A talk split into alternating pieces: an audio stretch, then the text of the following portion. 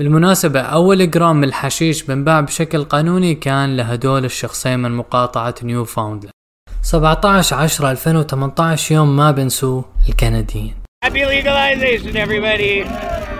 هذا اليوم تم تقنين القنب أو الحشيش. بحكي موقع صحة كندا. يعقد هذا القانون لتوفير مستوى أفضل من الحماية لصحة الكنديين وسلامتهم ولإبعاد القنب عن إيد الصغار السن ولحرمان المجرمين والمنظمات الإجرامية من الاستفادة من أرباح العمل في تجارته. باختصار للي ما بيعرف نبات القنب أو ال cannabis أو الحشيش أو الماريجوانا قنب هو نبتة إلها مفعول مخدر ولها تأثيرات كتير على الجسم وتعد من أكثر أنواع المخدرات استعمالا في العالم. تنتمي منتجات القنب لأقدم المخدرات المعروفة. القنب هو اسم نبات أما الماريجوانا فهي الأوراق والأزهار والسقان وحتى البذور المجففة من نبات القنب هذا. بس الحشيش هو منتج آخر من نبات القنب بس بيحتوي على صمغ بنتجه هذا النبات. بيحتوي القنب ومنتجاته على كثير من المواد بس أهمها هو ال THC فلما يدخن الشخص الماريجوانا أو الحشيش بتمر مادة ال THC بسرعة رئتين لمجرى الدم بتروح للدماغ والأعضاء الأخرى في جميع أنحاء الجسم. يمكن أغلبكم بيعرف هاي المعلومات. بس بدي أحاول أفهم بهذا الفيديو أو هذا البحث شو علاقة الحكومة بهذا الموضوع وشو رأي الكنديين وشو أكثر شيء يتم استعماله بكندا وهل في شركات مدرجة بالبورصة وظيفتها أو شغلتها بس تجارة الحشيش؟ خلينا نشوف.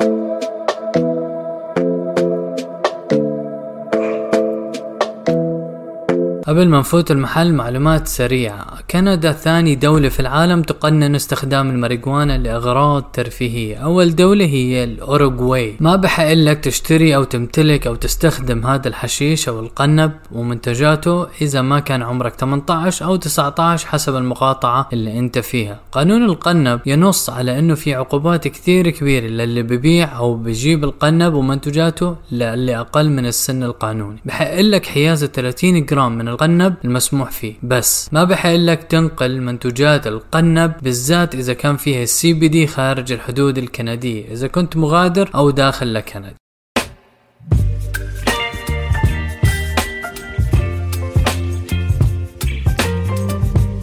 حشيش عالم كتير كبير بكندا يعني إذا اشتهيت حشيش بكندا فيك تفتح ال website حشيش على شوكلت حشيش على gum ممكن سجاير عادية أو نبتة تطبخها. أو إذا تعبان فيك تطلب Uber Eats بجيب لك حشيش لعندك. إذا مهتم بدراسة الحشيش في دورات وبرامج كتير كبيرة على الحشيش ممكن تقعد ل 3 semester و 2 semester تدرس أشياء عن الحشيش كيف تزرعه كيف تتاجر فيه. أو إذا مهتم بالطبخ برضو في برامج بتعلمك كيف تطبخ بالحشيش. مثلا هاي الشهادة اللي هون فكرت إنه راح يعلموني قوانين الحشيش والدولة والضرائب. بالاخير عرفت هلا اعمل بيض مع زيت الزيتون المخلوط بالحشيش. للي مهتم يكتب لي بال comment تحت بعلمه إن شاء الله. وحتى Netflix ما قصرت. كمية برامج عن الحشيش لا تصدق.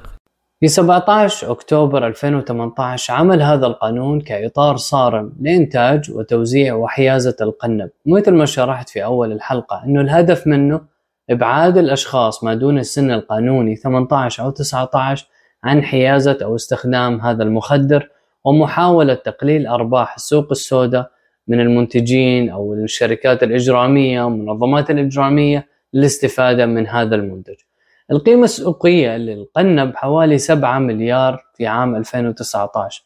قيمة السوق السوداء حوالي 4 مليار أو 3.8 مليار دولار، لك أن تتخيل القيمة السوقية اللي بتستفيد منها احتمال منظمات إجرامية بسبب هذا المخدر وفوائد المالية العالية. اتجه الكثير من الكنديين للشراء من المحلات المرخصة بنسبة 50% من بعد تقنين هذا المخدر. ولكن يشتكي الكنديين من خلاء أسعار هذا المنتج وحتى محدودية آه، توفر الشركات اللي بتبيع هذا المنتج. طيب. ولهي الأسباب ما زال الكنديين بتوجهوا للسوق السوداء وللمحلات الغير مرخصة لاقتناء هاي الحشيش. طب ليش الشركات عم بتعلي أسعار المنتج؟ شو الأسباب اللي بتخلي صناعة جديدة ما صار لها أربع خمس سنين إنه تواجه هاي الصعوبات؟ في تقرير قبل يومين نزل في تاريخ 16 فبراير 2023 مجموعة من المسؤولين التنفيذيين في هاي الصناعة بخاطبوا الحكومة أو بوجهوا خطاب أو بوجهوا خطاب لهاي الحكومة إنه بسبب الرسوم الباهظة والضرائب المحطوطة على هاي الصناعة راح يكون راح تكلف المجتمع الكندي خسائر كبيرة. شو هي الخسائر اللي ممكن تكلف المجتمع الكندي؟ أهمها الوظائف. يعني لحد اليوم شهرين بهاي السنة خسرت ألف عيلة وظيفتها في هاي الصناعة على حد ما بيحكوا هدول المسؤولين التنفيذيين بسبب الضغوط على هاي الصناعة من قبل الحكومة الفيدرالية. في تقرير بعنوان تعود ملكية شركات القنب الأكثر ربحية في كندا إلى الحكومة بقلم مات لامرز من موقع MJBiz Daily راح أترك لكم المصدر تحت للي بحب يقرأ. وهي أمثلة على بعض الشركات المملوكة جزئيا أو كاملة من قبل المقاطعة أو الحكومة الفيدرالية. OCS من أكثر أعمال الماريجوانا ربحية في كندا. حتى الآن هو متجر أونتاريو للقنب حوالي 200 مليون دولار ربحية وهو مملوك للمقاطعة مقاطعة أونتاريو والتي يتم تعيين مجلس إدارتها من قبل الحكومة. الشركة الثانية هي Société québécoise du cannabis أو SQDC هي ثاني أكبر شركات القنب ربحية في كندا حوالي 168 مليون دولار كندي. وهي الشركة هي تاجر بالجملة والتجزئة الاحتكاري المملوكة للحكومة في كيباك. على عكس أونتاريو لا تسمح كيباك بمتاجر القنب المملوكة للقطاع الخاص. يعني بكوباك حسب هذا التقرير ما في شركات خاصة على الأقل حتى عام 2022 وتختار بدلا من ذلك توظيف احتكار الحكومة لجميع مبيعات التجزئة. طب أين تذهب الأرباح؟ تقوم شركات القنب المملوكة للحكومة بتحويل أرباحها إلى مقاطعاتها. يتم تحويل جميع الإيرادات بعد التكاليف إلى وزارة المالية في شكل أرباح. في شكل SQDC الشركة التابعة لحكومة أو مقاطعة كوباك يتم يتم إعادة استثمار المكاسب بشكل رئيسي في جهود الوقاية والبحوث المتعلقة بالقنب. وعلى عكس القطاع الحكومي يواجه القطاع الخاص تحديات وأرباح قليلة على حسب هذا التقرير. وأهم أسبابها بعيدا عن الضرائب المفروضة من الحكومة والرسوم الباهظة على هاي الصناعة. هو الإفراط في الإنتاج من قبل تجار التجزئة والشركات الكبيرة يعني السنة الماضية حوالي 900 مليون جرام تم تدميرها لأنه ما حد اشترى. رقم اثنين الاستثمارات الخاطئة في هذا القطاع. رقم ثلاثة بيع أقل 20% من منتجات. لهذا كل هاي الأسباب بتؤدي إلى خسائر بعيدا عن الأسباب الرئيسية اللي بيحكوها القطاع. قالت أستاذة الاقتصاد أنين سين في جامعة ووترلو في مقاطعة أونتاريو أن الحكومة لا تحتاج إلى احتكار آه، القطاع وأنه ممكن تحصل أرباحها من خلال رفع الرسوم أو رفع الضرائب على هذا القطاع. وإنه ستظل الحكومة في تحصيل أرباحها من خلال الضريبة على بيع الجملة. وطبعا إيه، خلق فرص عمل في هذا القطاع الخاص قد يكون محركا للاقتصاد في هذا البلد.